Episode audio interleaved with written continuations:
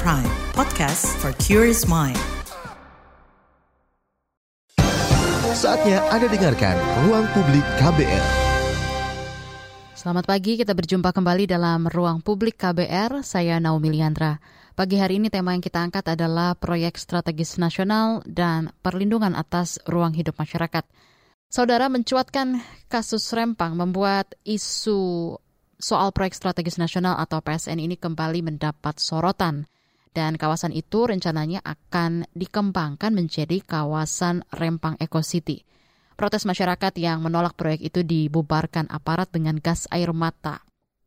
BP Batam juga menargetkan pengosongan wilayah Pulau Rempang Batam, Kepulauan Riau ini selesai dilakukan pada 28 September 2023 ini.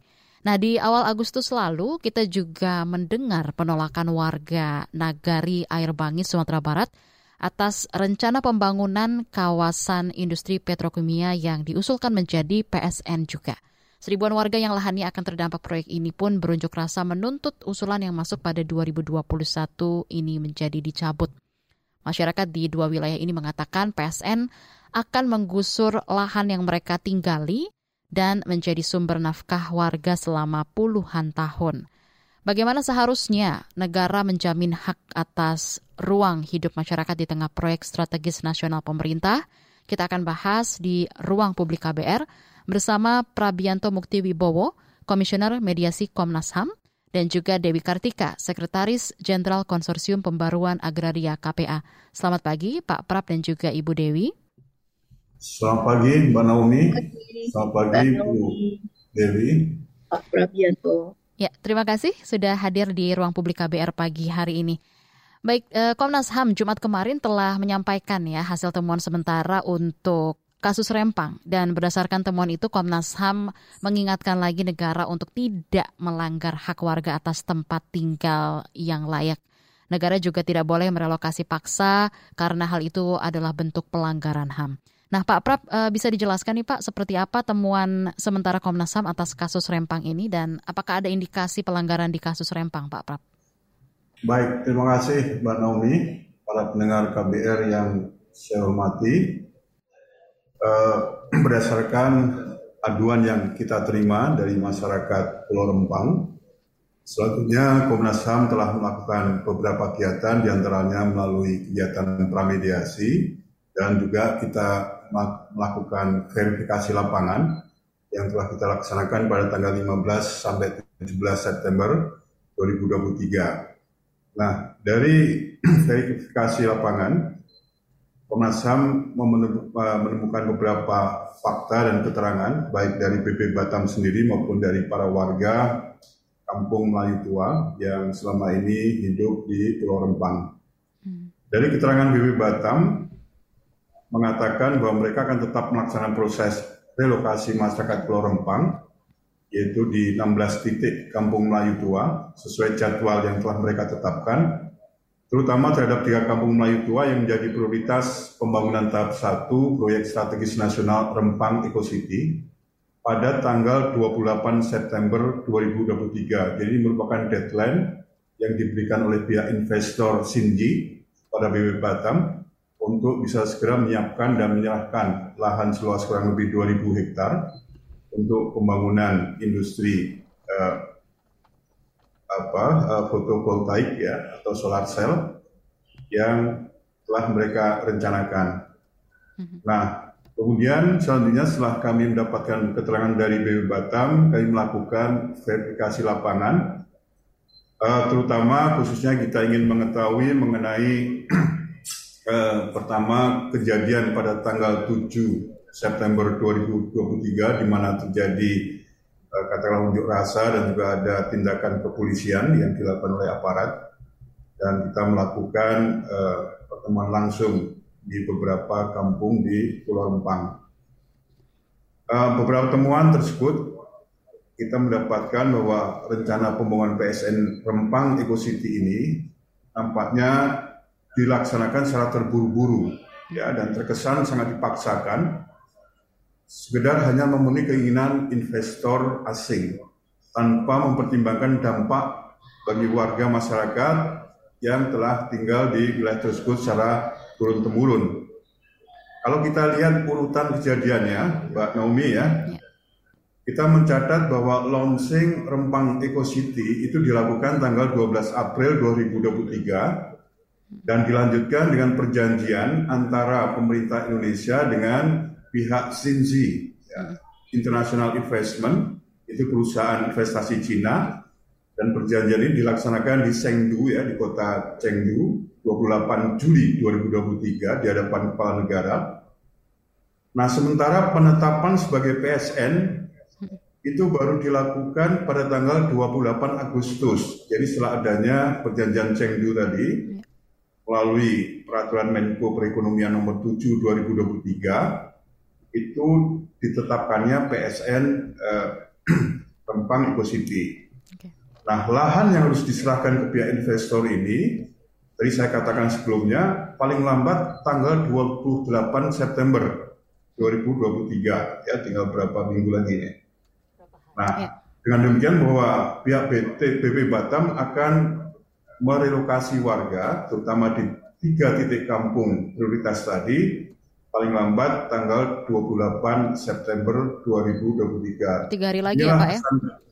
Ya, inilah temuan pertama kami yang melihat uh, yang membuktikan bahwa uh, kegiatan pembangunan PSN ini sangat terburu-buru atau ada kesan sangat uh, dipaksakan ya harus segera dibangun. Nah sementara keterangan dari BEM Batam maupun dari kepolisian Polresta Balerang sendiri mengakui bahwa kegiatan sosialisasi ke masyarakat ini uh, sangat kurang ya, tidak uh, memadai karena baru dilaksanakan pada pertengahan Agustus ya selama dua kali dan itu pun tidak dihadiri oleh perwakilan warga yang akan direlokasi. Ini kami konfirmasi dengan warga di Kampung Sembilan Bulu, Kampung Sembulang Tanjung, dan Kampung Batu Merah. Mereka mengatakan mereka tidak ada yang hadir. Mhm. Nah, menurut keterangan mereka yang hadir pada saat sosial tadi adalah warga yang menjadi aparat, baik aparat kecamatan maupun aparat desa yang katanya dipaksa untuk ikut hadir menghadiri sosialisasi tadi. Ya, jadi terlihat sekali bahwa memang partisipasi masyarakat uh, sangat kurang. Nah, kemudian kita lihat bahwa di lapangan saat ini telah terbentuk Satgas Terpadu yang dibentuk oleh BB Batam dengan unsur-unsurnya antara lain dari TNI, Polri, dan uh, Satpol PP. Ya. Nah, Satgas Terpadu ini sering kali melakukan kegiatan intimidatif mendatangi warga dari rumah ke rumah secara door to door untuk meminta para warga setempat menandatangani surat pernyataan bersedia untuk direlokasi. Hmm. Ya, jadi ada tindakan intimidatif di sana. Okay. Bahkan kita melihat sendiri di beberapa titik strategis sepanjang Jalan Pulau Rempang, ya, dan termasuk juga di beberapa kantor pemerintahan baik kecamatan maupun desa saat ini telah didirikan posko Satgas Terpadu ya. Hmm. Nah, pada kenyataannya posko Satgas Terpadu ini menjadi markas penempatan aparat baik TNI, Polri maupun Satpol PP. Baik. Ya. Adanya posko-posko ini tentunya sangat uh, apa dirasa oleh masyarakat tidak aman, ya mereka merasa ruang geraknya dibatasi, diawasi oleh uh, aparat yang tergabung dalam satgas terpadu tadi. Baik. Nah, selain itu kami menemukan juga fakta bahwa saat ini beberapa pusat pelayanan kesehatan masyarakat itu sudah dihentikan kegiatannya, ya, dan rencananya memang akan dipindahkan Nah, dengan demikian kami melihat bahwa pelayanan kesehatan masyarakat pun juga terganggu atau terhenti bahkan. Ya. Demikian pula keterangan dari beberapa guru mereka mengatakan mereka juga dipaksa untuk mendukung dan menyetujui rencana pembangunan Rempang Eco City ini ya dan khususnya relokasi. Dan apabila mereka tidak bersedia, mereka mendapatkan stigma sebagai penjahat negara ini tentunya sangat apa diskriminatif dan intimidatif yang sudah barang tentu uh, memenuhi unsur adanya dugaan pelanggaran hak asasi manusia. Itu barangkali Mbak, sebagian dari temuan kami, di samping juga nanti kami akan jelaskan mengenai temuan dari kunjungan kami ke Polresta Balerang. Baik Pak Prap, terima kasih atas informasi dari Anda. Nah, dari kasus Rempang nih Bu Dewi dengan proses penetapan PSN yang sangat cepat diikuti dengan pengosongan lahan juga, tadi sudah disampaikan oleh Pak Prap juga ya, sosialisasinya kurang dan juga ada intimidasi atau tindakan intimidatif tadi seperti disampaikan oleh Pak Prap. Apa yang Anda lihat dari hal ini, Bu Dewi? Ya, uh, pertama berkaitan dengan kasus konflik agraria Rempang, ini sebenarnya menunjukkan pemerintah uh, sekali lagi telah kalap-kalap gelap mata terhadap investasi uh, skala besar, sehingga model-model pembangunannya atau eksekusi atau cara-cara pembangunan itu dilakukan itu menyingkirkan atau mengeksklusi hak-hak masyarakat yang sebenarnya sudah ada lebih dahulu di Pulau Rempang. Jadi itu yang pertama. Ya. Yang kedua, memang proyek strategis nasional ini uh, dengan berbagai argumentasinya ya. Argumentasinya PSN ini kan pertama dalam rangka meningkatkan pertumbuhan ekonomi, lalu pengembangan infrastruktur di Indonesia, lalu juga uh, karena kebutuhannya dianggap strategis, maka perlu ada percepatan-percepatan, termasuk proyek-proyek yang mangkrak. Nah, proyek uh, eh, PT MEG ini kan sebenarnya uh, bersama BP Batam uh, di Pulau Batam itu sudah mengalami mangkrak sejak kurang lebih 2004. Dan tadi seperti yang disampaikan ya. oleh Pak Prabianto, dalam waktu yang sekian bulan, beberapa bulan terakhir ini sebelum eksekusi tanggal 7 September, itu dipercepat. Yang tadinya macet, salah satunya terkait pembebasan lahan 2004, tiba-tiba dipercepat di tahun 2023 dengan cara pemerintah tidak lama setelah MOU diteken itu lalu keluarlah perubahan daftar strategis proyek nasional hmm. yang dilakukan oleh Menko Perekonomian. Nah, problemnya adalah yang kita lihat uh, dari sejak 2021 sampai dengan 2023, ini Menko Perekonomian ini selalu merubah-rubah daftar strategis proyek nasional. Jadi ketika ketika ada uh, perubahan, otomatis ada proyek-proyek baru yang masuk. Nah, tata cara perubahan proyek strategis nasional ini kan berbahaya kalau tidak transparan, tidak terbuka. Hmm. Bagaimana mungkin misalnya tiba-tiba Rempang Eco City menjadi salah satu proyek strategis nasional? Apa dasar-dasarnya? Nah, ini kan harus dilihat.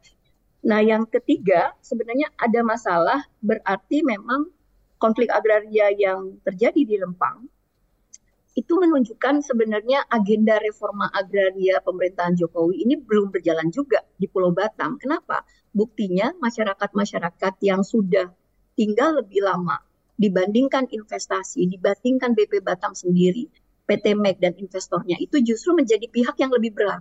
Nah, ke mana reforma agraria ini dengan target 9 juta hektar? Harusnya justru pendaftaran tanah yang sekarang sedang dilakukan oleh Kementerian Agraria itu menunjuk atau menetapkan desa-desa kampung-kampung tua di wilayah Batam itu sebagai prioritas reforma agraria dulu. Jadi reforma agraria dulu yang masuk, setelah itu baru kalau ada sisa tanah dan itu memang dimungkinkan proyek itu berjalan, maka di situlah uh, rempang Eco City bisa dijalankan. Jadi bukan secara sepihak melakukan proses-proses pematokan, pengukuran tanpa konsen, tanpa persetujuan warga Rempang itu sendiri. Artinya memang ini salah satu indikator kegagalan agenda reforma agraria di Pulau Batam. Tidak ada pendaftaran tanah. Kalau dijanjikan 2019 itu akan disertifikatkan hak atas tanahnya, kenyataannya justru yang terjadi adalah mereka dianggap sebagai uh, kelompok atau warga yang sama sekali tidak punya hak. Nah, yang keempat ada masalah soal dualisme pertanahan nih, Mbak Naomi. Ya. Jadi dualisme pertanahan ini tanah-tanah di, di secara nasional tidak hanya di Batam itu terbagi dua, yaitu tanah-tanah yang dianggap itu non hutan dengan tanah-tanah yang dianggap klaim kawasan hutan. Jadi ada dua, dua juridiksi, dua kewenangan yang berbeda di atas landscape atau tanah yang sama mm-hmm. di Pulau Batam atau di, di, di banyak tempat secara nasional yang membagi dua kawasan hutan dan non kawasan hutan. Di situ di kasus proyek Rempang itu bagaimana mungkin misalnya uh, Menteri Kehutanan itu mengeluarkan kurang lebih 7.000 SK Menteri untuk melepaskan kawasan hutan yang itu sudah menjadi kampung dan desa-desa definitif. Nah itulah problem yang menimbulkan konflik agraria struktural yang terjadi tanggal 7 September dan itu sebenarnya menunjukkan ada resistensi masyarakat dan tentu ini bagian dari gambaran terjadinya perampasan tanah skala luas atas nama PSN di Pulau Rempang. Baik, Ibu Dewi dan juga Pak Prap, nanti kita akan kembali lanjutkan perbincangan pagi hari ini di Ruang Publik KBR. Untuk Anda pendengar, tetaplah bersama kami. Masih Anda dengarkan Ruang Publik KBR. Commercial break. Commercial break.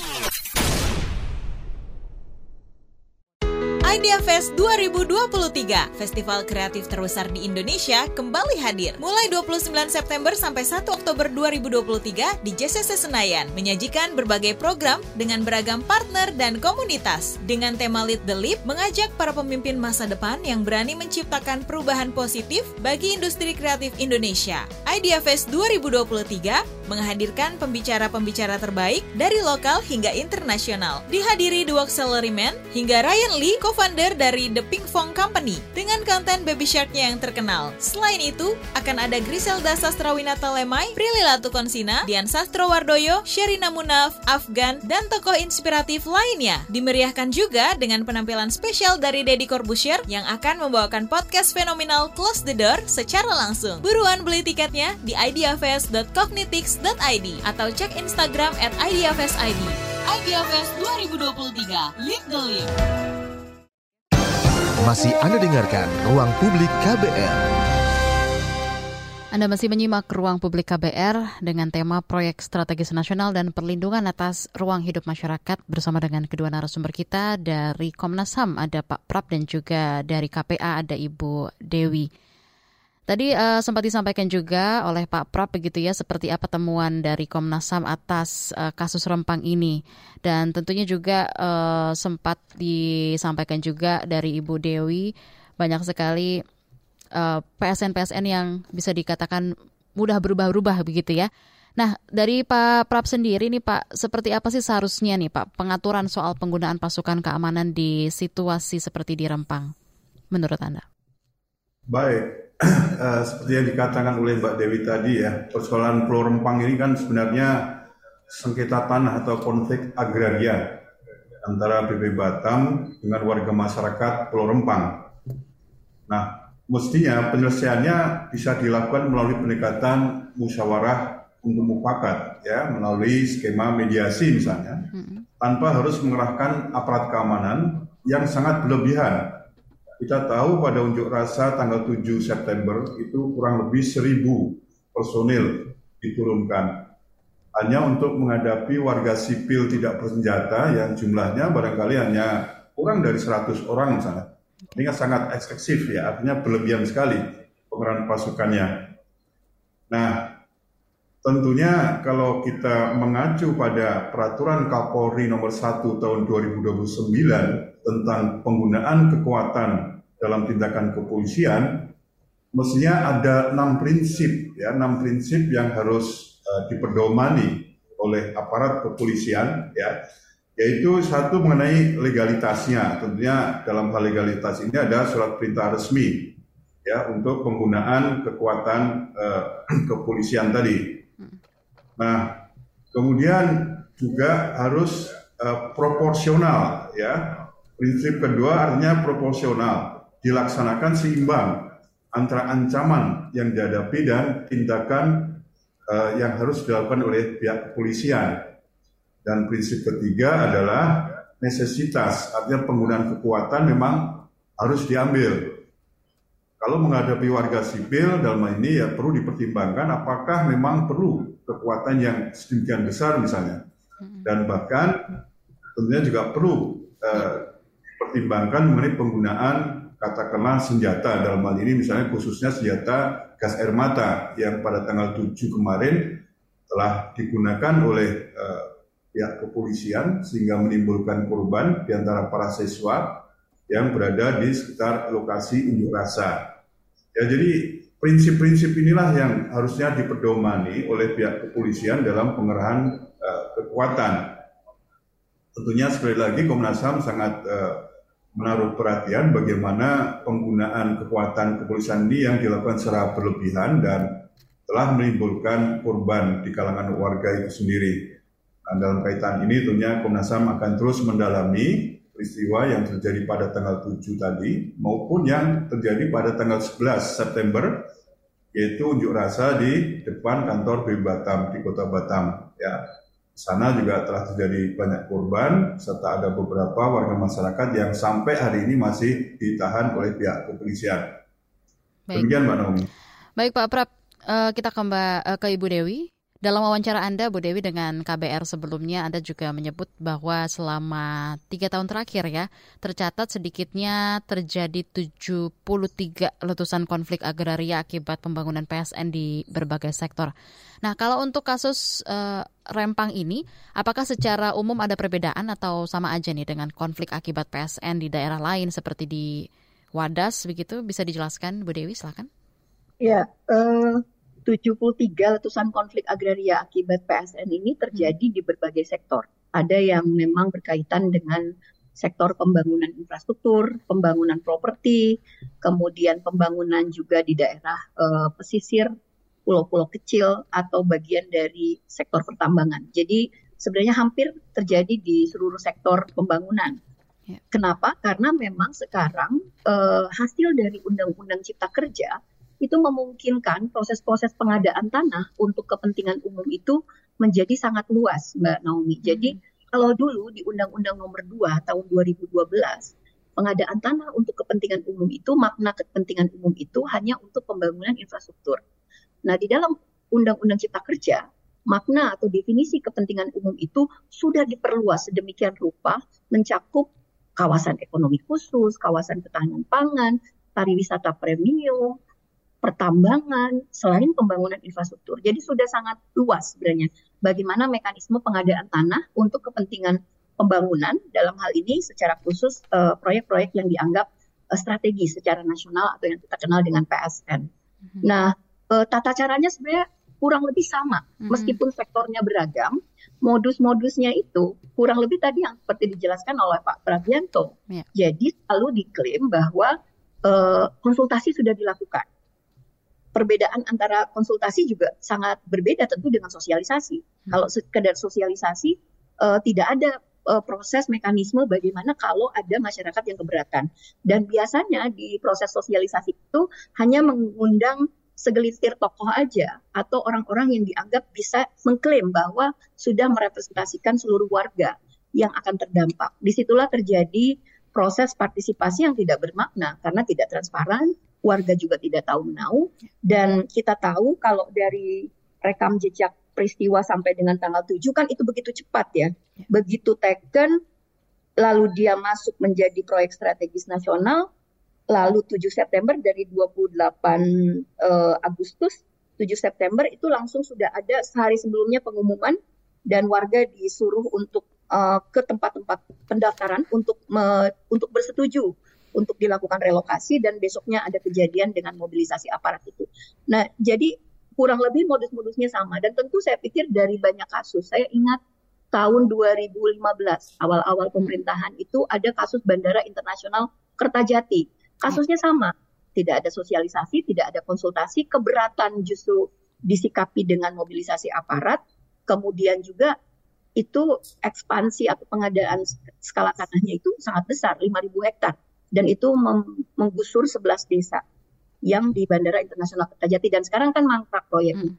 Nah, kurang lebih sama seperti itu. Waduk Lambo di NTT, Mandalika, kemudian juga uh, Pulau Komodo yang dijadikan Bali baru uh, pariwisata premium yang memang mengedepankan uh, orientasinya lebih ke bisnis, investasi skala besar, tetapi luput untuk melihat bahwa masyarakat setempat itu punya hak konstitusional yang diakui oleh konstitusi dan undang-undang pokok agraria. Ya. Jadi siapa yang paling berhak? Ya warga yang lebih dulu.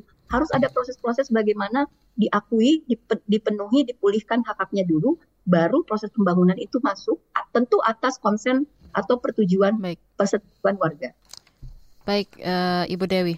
Lalu Pak Prap, kalau bicara nih Pak soal penetapan PSN begitu ya, itu kan kebijakannya dibuat top down ya Pak ya.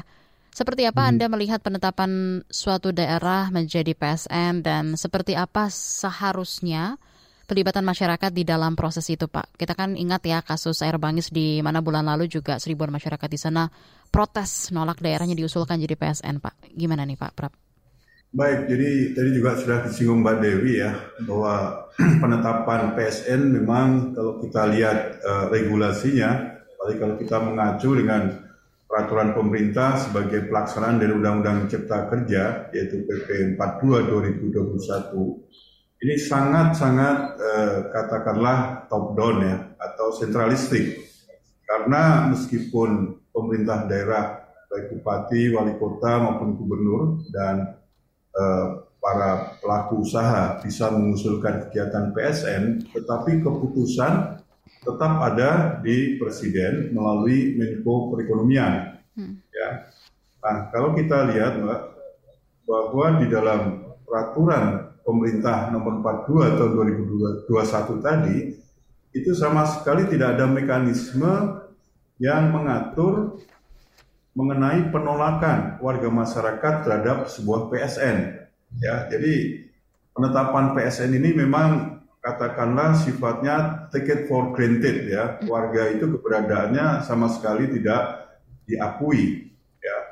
Dan bahkan di dalam pasal 46 misalnya apabila terjadi uh, apabila ada aduan ya, pengaduan masyarakat misalnya atas sebuah pelaksanaan PSN itu penyelesaiannya diutamakan katakanlah melalui proses administrasi. Ya ini sangat janggal sebenarnya.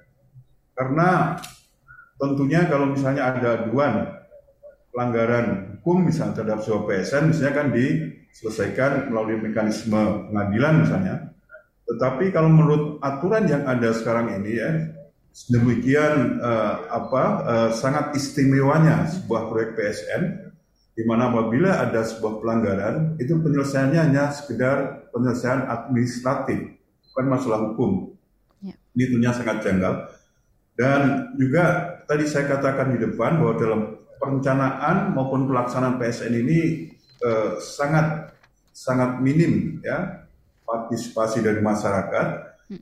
sehingga eh, kami menemukan banyak PSN ini sebenarnya telah melanggar hak warga masyarakat terutama hak mengenai untuk bagi atau bagi warga untuk memberi atau tidak memberi persetujuan tanpa paksaan atas dasar informasi awal atas segala tindakan yang mempengaruhi pengadaan tanah misalnya wilayah serta sumber daya alam.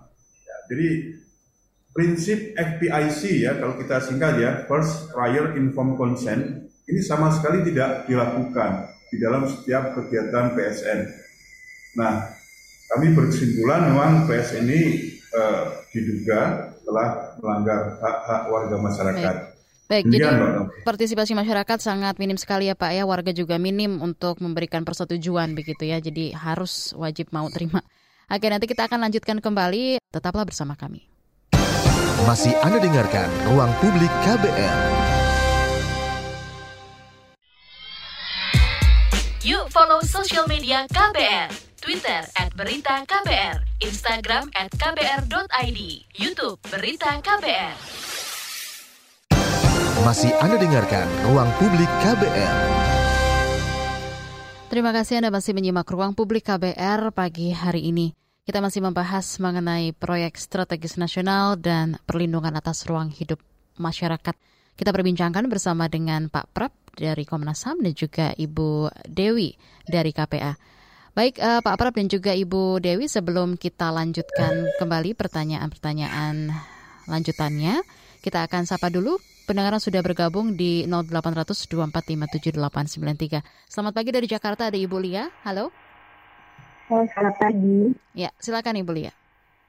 Ya, terima kasih. Ya, Tadi kalau salah Ibu Dewi bilang ya kalau daftar PSN ini itu bisa berubah-ubah. Nah apa mungkin ya kalau tanah yang sekarang kita tempati, yang kita tinggali saat ini itu bisa tiba-tiba dijadikan PSN ya Ibu? Dan kalau emang seperti itu, apa nih yang bisa kita lakukan? Apa harus protes dan turun ke jalan seperti yang terjadi saat ini? Oke, okay, baik. Terima kasih. Terima kasih Ibu Lia di Jakarta atas pertanyaannya. Silakan Ibu Dewi bisa ditanggapi langsung atas pertanyaan Ibu Lia.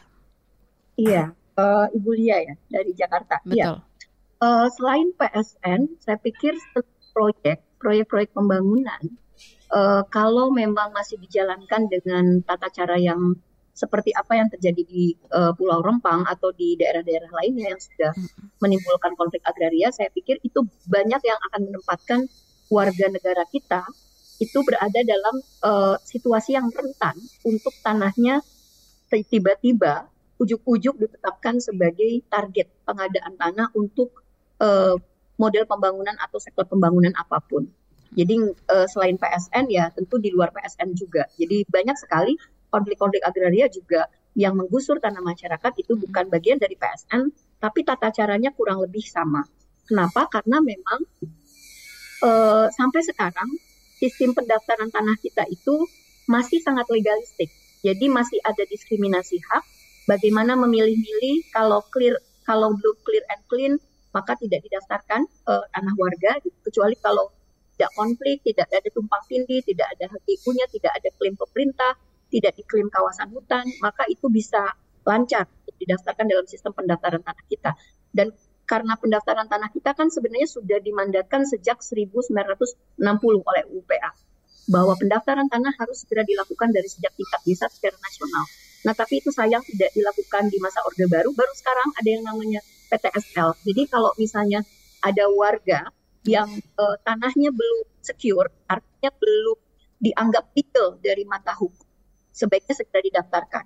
Tetapi memang uh, bukan berarti bahwa ukuran legal atau tidak legalnya masyarakat itu jangan diukur dari sertifikat saja. Ini juga perspektif yang berbahaya karena banyak misalnya petani, masyarakat adat, masyarakat miskin di perkotaan juga menjadi rentan karena mereka tidak punya jaminan hukum yang sifatnya legal di mata hukum, mata perspektif hukum positif, sehingga memang ini tadi yang saya sampaikan, reforma agraria itu justru untuk memastikan warga negara, komunitas, secara individu atau secara kolektif komunal itu punya uh, hukum yang sama di, di mata hukum, tentu punya posisi yang sama di mata hukum untuk direkognisi dipenuhi hak hak atas tanahnya agar secure. Sehingga ketika nanti kalau sudah didaftarkan tanah-tanah masyarakat secara sistemik dan tidak ada diskriminasi, ketika ada permintaan investor mau berinvestasi entah di Jakarta, di Jawa, di Kalimantan, di IKN misalnya, hmm. itu terdeteksi bahwa oh sudah ada masyarakat nggak boleh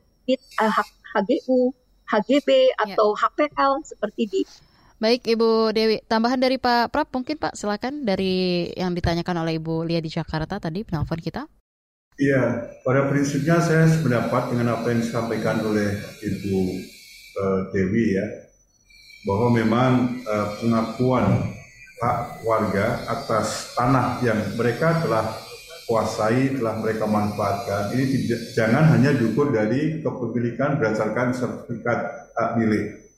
Kita tahu bahwa dalam uh, sejarah pertanahan di Indonesia ini awal mulanya barangkali banyak tanah-tanah partikulir ya, artinya tanah-tanah peninggalan penjajah Belanda, perusahaan Belanda yang kemudian diambil oleh negara. Tetapi ada juga banyak sekali tanah-tanah yang memang secara temurun itu diwariskan oleh katakanlah eh, adat maupun oleh eh, secara ulayat. Ya. ya. Artinya maksud saya bahwa pengakuan hak itu jangan hanya didasarkan pada eh, legal formal dalam bentuk hmm. sertifikat, tetapi juga harus ada pengakuan-pengakuan berdasarkan historisnya ya dalam bentuk tanah ulayat ataupun tanah adat tadi. Ya. Nah, memang seperti yang dikatakan oleh Bu Dewi, saat ini ya dalam beberapa tahun terakhir kan eh, reforma agraria ini telah dijalankan oleh pemerintah. Salah satu kegiatannya adalah pendaftaran tanah secara sistematis lengkap atau PTSL. Nah tentunya melalui PTSL ini diharapkan eh, bidang-bidang uh, tanah yang ada di wilayah negara kesatuan Republik Indonesia ini bisa didaftar ya. Nah dengan adanya pendaftaran tentunya akan memberikan kepastian kepemilikan kepastian hukum bagi setiap warga atas bidang tanah yang telah mereka kuasai. Itu saya kira tambahan saya, Pak Naomi. Baik Pak Prab dan juga Ibu Dewi, kita akan bacakan beberapa pesan WhatsApp yang sudah masuk di 0812 118 8181. Yang pertama dari Depok ada Pak Wahyu. Tahun depan Presiden akan berganti. Apakah ada potensi PSN-PSN ini akan makin kebut untuk berjalan sebelum pemimpin berganti? Kemudian dari Jogja ada Ibu Rani. Pak Prabianto tadi Bapak menyebutkan kalau kepolisian harusnya mempertimbangkan untuk pakai kekuatan atau tidak ketika menghadapi warga di Rempang. Tapi nyatanya gas air mata dilepas dan anak-anak menjadi korban. Apakah mereka akan mendapat sanksi, Pak? Dari Komnas HAM sendiri bagaimana mengatasi kasus ini? Mohon ditanggapi dulu oleh Pak Prap. Silakan Pak Prap. Baik, terima kasih Mbak Naomi. Uh, Pak Wahyu yang di mana tadi? Di Depok, Depok ya? Iya, betul di Depok, Pak. Baik. Ya, uh, tentunya kalau seperti arahan dari Pak Jokowi sendiri selama ini kan mengatakan bahwa proyek-proyek PSN yang sekarang ini sedang dan telah selesai dibangun, ini diharapkan bisa selesai semua sebelum pemerintahan Pak Jokowi ini selesai. Ya. Nah, pastinya ada upaya-upaya untuk percepatan karena kita tahu bahwa Presiden tidak ingin uh, memberikan legasi atau peninggalan proyek-proyek mangkrak tadi selahnya Mbak Dewi ya. Jadi pastinya beliau tidak mau ada proyek-proyek PSN yang mangkrak. Nah, sesuai dengan salah satu persyaratan sebenarnya, setiap usulan PSN itu harus bisa uh, katakanlah uh, membuktikan ya dan meyakinkan pihak uh, pemerintah bahwa proyek PSN ini akan selesai sebelum berakhirnya pemerintahan, artinya sebelum 2024, hmm. akhir 2024 ini harus selesai, atau minimal minimal bahwa proyek PSN tersebut telah uh, apa fundingnya sudah secure ya, artinya bahwa telah tersedia alokasi anggaran untuk melaksanakan proyek PSN tadi. Nah, uh, kalau kami melihat dari perspektif kepentingan politik uh, presiden, pastinya PSN ini akan diupayakan untuk bisa selesai sehingga memang dengan upaya percepatan ini akhirnya beberapa uh, prosedur maupun juga beberapa peraturan itu katakanlah direlaksasi ya sehingga bahwa proyek ini memang bisa terlaksana sesuai dengan jadwal yang telah mereka tetapkan. Okay. Itu kami melihatnya demikian. Kemudian untuk Ibu Rani ya, yang ya, di betul Ibu Rani di Jogja Pak. Ya, jadi memang sesuai fakta uh, temuan kami di lapangan, ini telah terjadi korban di antara siswa SMP Negeri 22 maupun SD Negeri 24 di uh, Kecamatan Dalam Rempang yang menjadi korban dari penembakan gas air mata.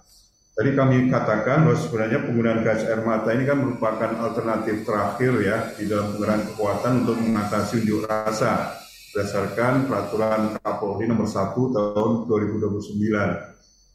Nah, di dalam verifikasi lapangan memang kami menemukan beberapa selongsong ya atau apa eh, katakanlah casing dari tubuh gas air mata tadi di halaman sekolah dasar yang kami temukan.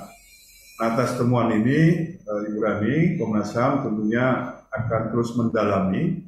Kami juga akan meminta klarifikasi sampai pada tingkat Mabes Polri yang rencananya nanti jam 2 kita akan melakukan pertemuan dengan pihak Mabes Polri okay.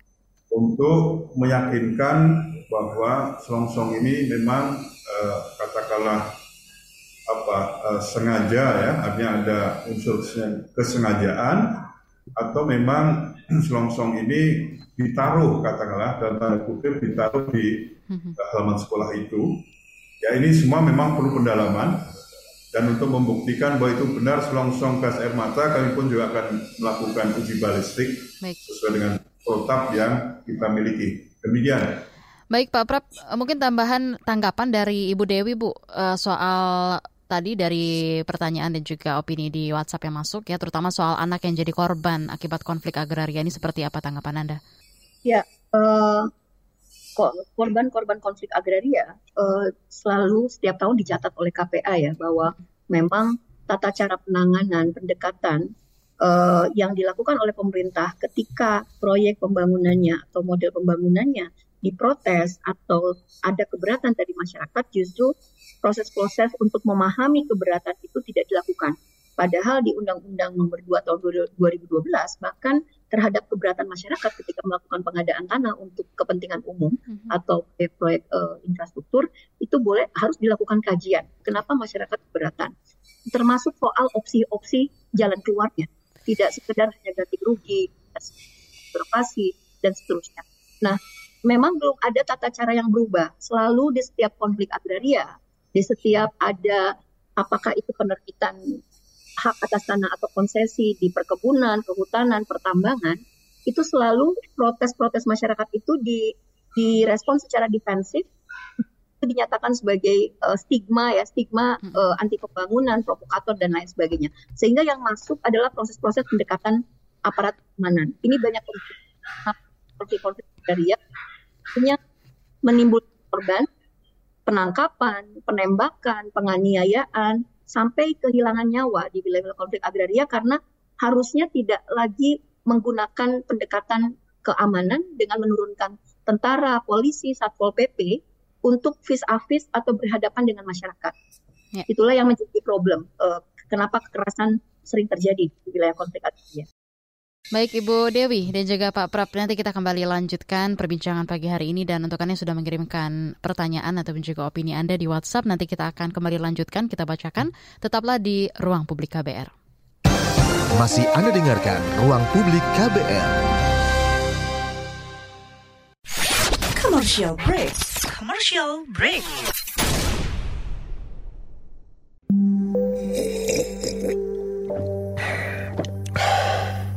Yakin, cukup teh doang. KBR Sore, siap menjadi teman sore hari kamu, biar kamu gak kesepian. Dapatkan rangkuman perkembangan berita terpenting di sore hari dari bidang politik, ekonomi, sosial, budaya, dan olahraga dari dalam dan luar negeri.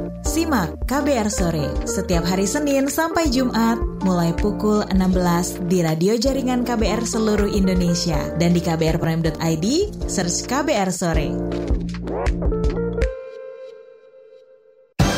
Masih Anda dengarkan Ruang Publik KBR. Kita sudah berada di siaran akhir ruang publik KBR pagi hari ini. Kita masih berbincang bersama dengan Pak Prap dari Komnas HAM dan juga Ibu Dewi dari Konsorsium Pembaruan Agraria atau KPA. Kita lanjut ya Bu Dewi dan juga Pak Prap bacakan beberapa WhatsApp yang sudah masuk. Dari Lombok ada Ibu Yuli. Apakah memungkinkan nanti tanah-tanah milik masyarakat adat di seluruh Indonesia jadi hilang dijadikan PSN dan kepentingan investasi? Lanjut lagi, kita ke Semarang, ada Ibu Tika. Jadi kalau PSN nggak bisa ditolak ya, Pak. Kasihan sekali suatu masyarakat yang ditarget investor harus digusur. Dari nama yang sama, namun kota berbeda, dari Pekanbaru ada Ibu Yuli juga. Gara-gara kasus Rempang ini, kita jadi makin tahu soal PSN. Dan saya juga jadi dengar isu-isu ada tempat-tempat lain diusulkan jadi PSN. Dan ini kan bisa bikin panik warga. Seperti apa nih tanggapan uh, dari Ibu Dewi terlebih dahulu, Bu? Silakan tanggapan Anda. Sejak 2020, 2020 sampai dengan 2023 ya. itu sudah ada 73 letusan konflik agraria akibat PSN. Uh, eh, beberapa proyek strategis nasional selain Rempang sebenarnya misalnya kayak bendungan Bulango di Gorontalo, pembangunan tol Padang Pekanbaru, kemudian pembangunan KEK e di Gresik, kawasan ekonomi khusus, PLTA di Pinrang, jadi macam-macam. Nah, eh, PSN ini masalahnya adalah memang sering kali kan masyarakat awam publik tidak tahu ya. di mana proyek-proyek ini berada atau jenis-jenis proyek yang semacam apa. Apakah untuk infrastruktur, untuk uh, pariwisata premium, untuk jalan tol, untuk pembangunan bandara, waduk dan lain-lain. Nah, sehingga memang butuh ada keterbukaan informasi publik agar warga bisa ikut mengawal, bisa ikut mengontrol juga dan memberikan masukan atau bahkan kritik dan saran kepada pemerintah bagaimana dampaknya apabila kampung-kampung, desa-desa, pemukiman mau di pedesaan, mau di perkotaan itu ternyata menjadi target pengadaan tanah, apakah ya. itu PS ataupun non PSN.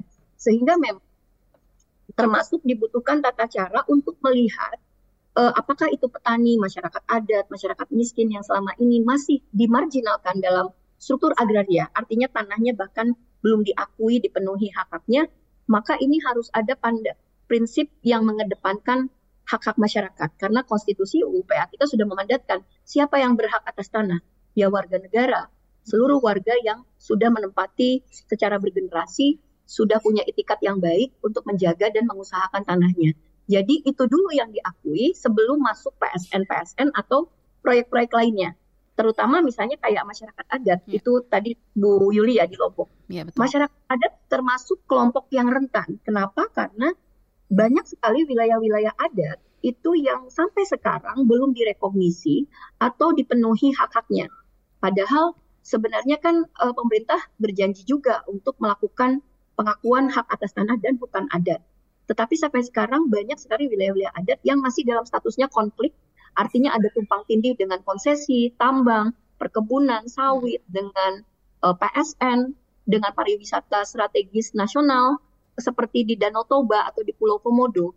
Nah, sehingga ini memang perlu ada upaya untuk melakukan dulu terlebih dahulu reforma agraria. Jadi ini semacam ketidakhadiran reforma agraria di berbagai tempat. Kalau pemerintah sejak 2015 eh, mau konsisten menjalankan reforma agraria, saya pikir konflik-konflik agraria itu tidak akan menimbulkan korban kepada masyarakat karena bisa sejalan dengan pembangunan yang dibutuhkan untuk tadi pertumbuhan ekonomi, investasi, tapi prioritaskan dulu reforma agraria untuk sebagai jalan pengakuan hak masyarakat. Reforma agraria sayangnya tidak jadi prioritas nasional, justru untuk kebutuhan investasi jadi prioritas nasional. Jadi uh, kurang lebih situasinya seperti itu. Baik, Ibu Dewi, tanggapan Anda seperti apa nih Pak Prap soal keresahan masyarakat nih yang sudah mulai khawatir begitu ya karena tidak transparansinya info soal PSN ataupun juga non PSN ini Pak Prap. Silakan Pak. Baik, uh, saya kira tadi sudah sangat uh, panjang lebar ya disampaikan oleh Mbak Dewi berkaitan dengan masalah uh, atas para adat misalnya dan juga PSN ya saya kira secara singkat saja saya menanggapi dari tiga penanya ini ya, Mbak ya, Yuli, Mbak Tika, dan Mbak Yuli lagi nih, ada ya, tiga betul. penanya. Jadi memang eh, berkaitan dengan masalah kebutuhan lahan untuk kegiatan PSN dan kegiatan investasi lainnya, mhm. ini dari hari ke hari terus menimbulkan persoalan eh, eh, konflik agraria Minggu lalu kami juga menerima perwakilan dari enam kelompok masyarakat adat Papua yang datang ke Komnas HAM mengadukan bahwa tanah adat mereka telah diokupasi oleh beberapa uh, investor ya, baik tambang, kebun sawit maupun juga kegiatan PSN lainnya. Nah, tentunya tadi sudah sampaikan Mbak Dewi juga bahwa pengakuan terhadap uh, keberadaan dari Eh, tanah-tanah adat ini ini yang memang perlu untuk segera kita dorong untuk bisa segera dipercepat. Jadi memang kalau lihat uh, secara normatif prosedurnya sangat panjang, tetapi dengan uh, kemauan politik pemerintah, saya kira proses pengakuan ya terhadap masyarakat komandat ini bisa dilakukan dan perlu untuk segera dilakukan bahkan sehingga memang Eh, hak-hak uh, masyarakat adat ini nanti betul-betul bisa kita lindungi dan tentunya eksistensi mereka masih bisa terus uh, berlanjut. Jangan sampai nanti seperti yang dikhawatirkan oleh Ibu Yudi yang di Lombok tadi, ya. lama-kelamaan uh, tanah adat ini akan habis, ya. akan lenyap karena kepentingan dari investor. Baik. Saya kira itu tambahan saya, Mbak.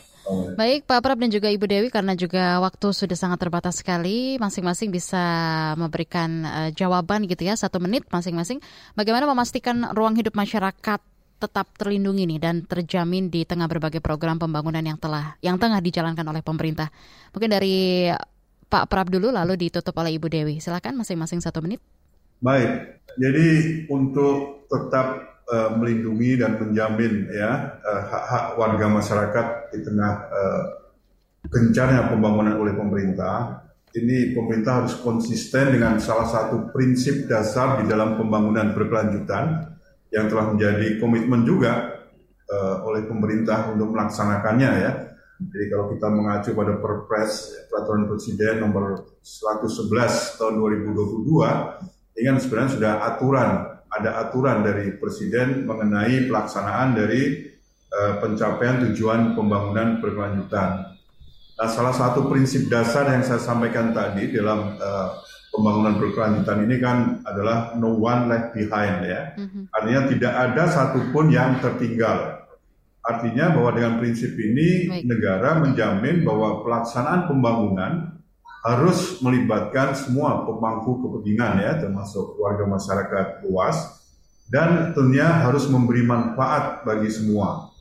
Nah, apabila prinsip dasar no one left behind ini bisa dilaksanakan oleh pemerintah tanpa ada diskriminasi ataupun tanpa ada eh, katakanlah pemberian privilege khusus untuk para pelaku usaha besar misalnya, tentunya masyarakat akan banyak mengambil manfaat kegiatan pembangunan tersebut. Terima kasih, Pak Nomi.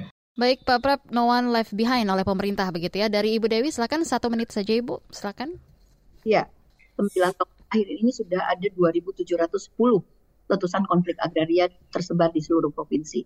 Artinya memang eh, pemerintah harus kembali lagi kepada mandat eh, konstitusi kita bahwa eh, pemerintah diberikan mandat untuk mengatur pemilikan dan penggunaan tanah sehingga sebesar-besar untuk kemakmuran rakyat. Nah, prinsip inilah yang hilang dari tata cara pemerintah melakukan atau mendorong proses-proses pembangunan. Hak menguasai dari negara atas agraria itu bukan berarti pemerintah pemilik tanah, tapi pemerintah diberikan mandat untuk mengatur hubungan-hubungan hukum antara tanah dengan warga negara dan eh, kelompok eh, komunitas masyarakat secara komunal. Sehingga kalau bicara soal dampak PSN dan secara khusus eh, kasus Rempang perlu ada evaluasi menyeluruh terhadap seluruh proyek-proyek strategis nasional dan proyek investasi lainnya. Secara khusus eh, untuk Rempang saya pikir eh, harus menjadi eh, penanda baru bagi Baik. pemerintah untuk mencabut PSN. Kemudian yang terakhir adalah hentikan eh, mobilisasi aparat, tata cara represif, intimidatif dalam menangani konflik agraria, dan tentu dahulukan untuk mengakui hak-hak Baik. masyarakat lewat reforma agraria. Itu saja Mbak. Baik, terima kasih Ibu Dewi Kartika, Sekretaris Jenderal Konsorsium Pembaruan Agraria KPA dan juga Pak Prabianto Mukti Wibowo, Komisioner Mediasi Komnas HAM. Untuk waktu Anda berdua di Ruang Publik KBR pagi hari ini dengan tema Proyek Strategis Nasional dan Perlindungan Atas Ruang Hidup Masyarakat. Terima kasih juga untuk Anda pendengar yang sudah ikut berpartisipasi melalui komentar, WhatsApp dan juga telepon. Dan akhirnya saya, Naomi Liandra, pamit undur diri dalam ruang publik. Terima kasih dan sampai jumpa. Baru saja Anda dengarkan Ruang Publik KBR. KBR Prime, cara asik mendengar berita. KBR Prime, podcast for curious mind.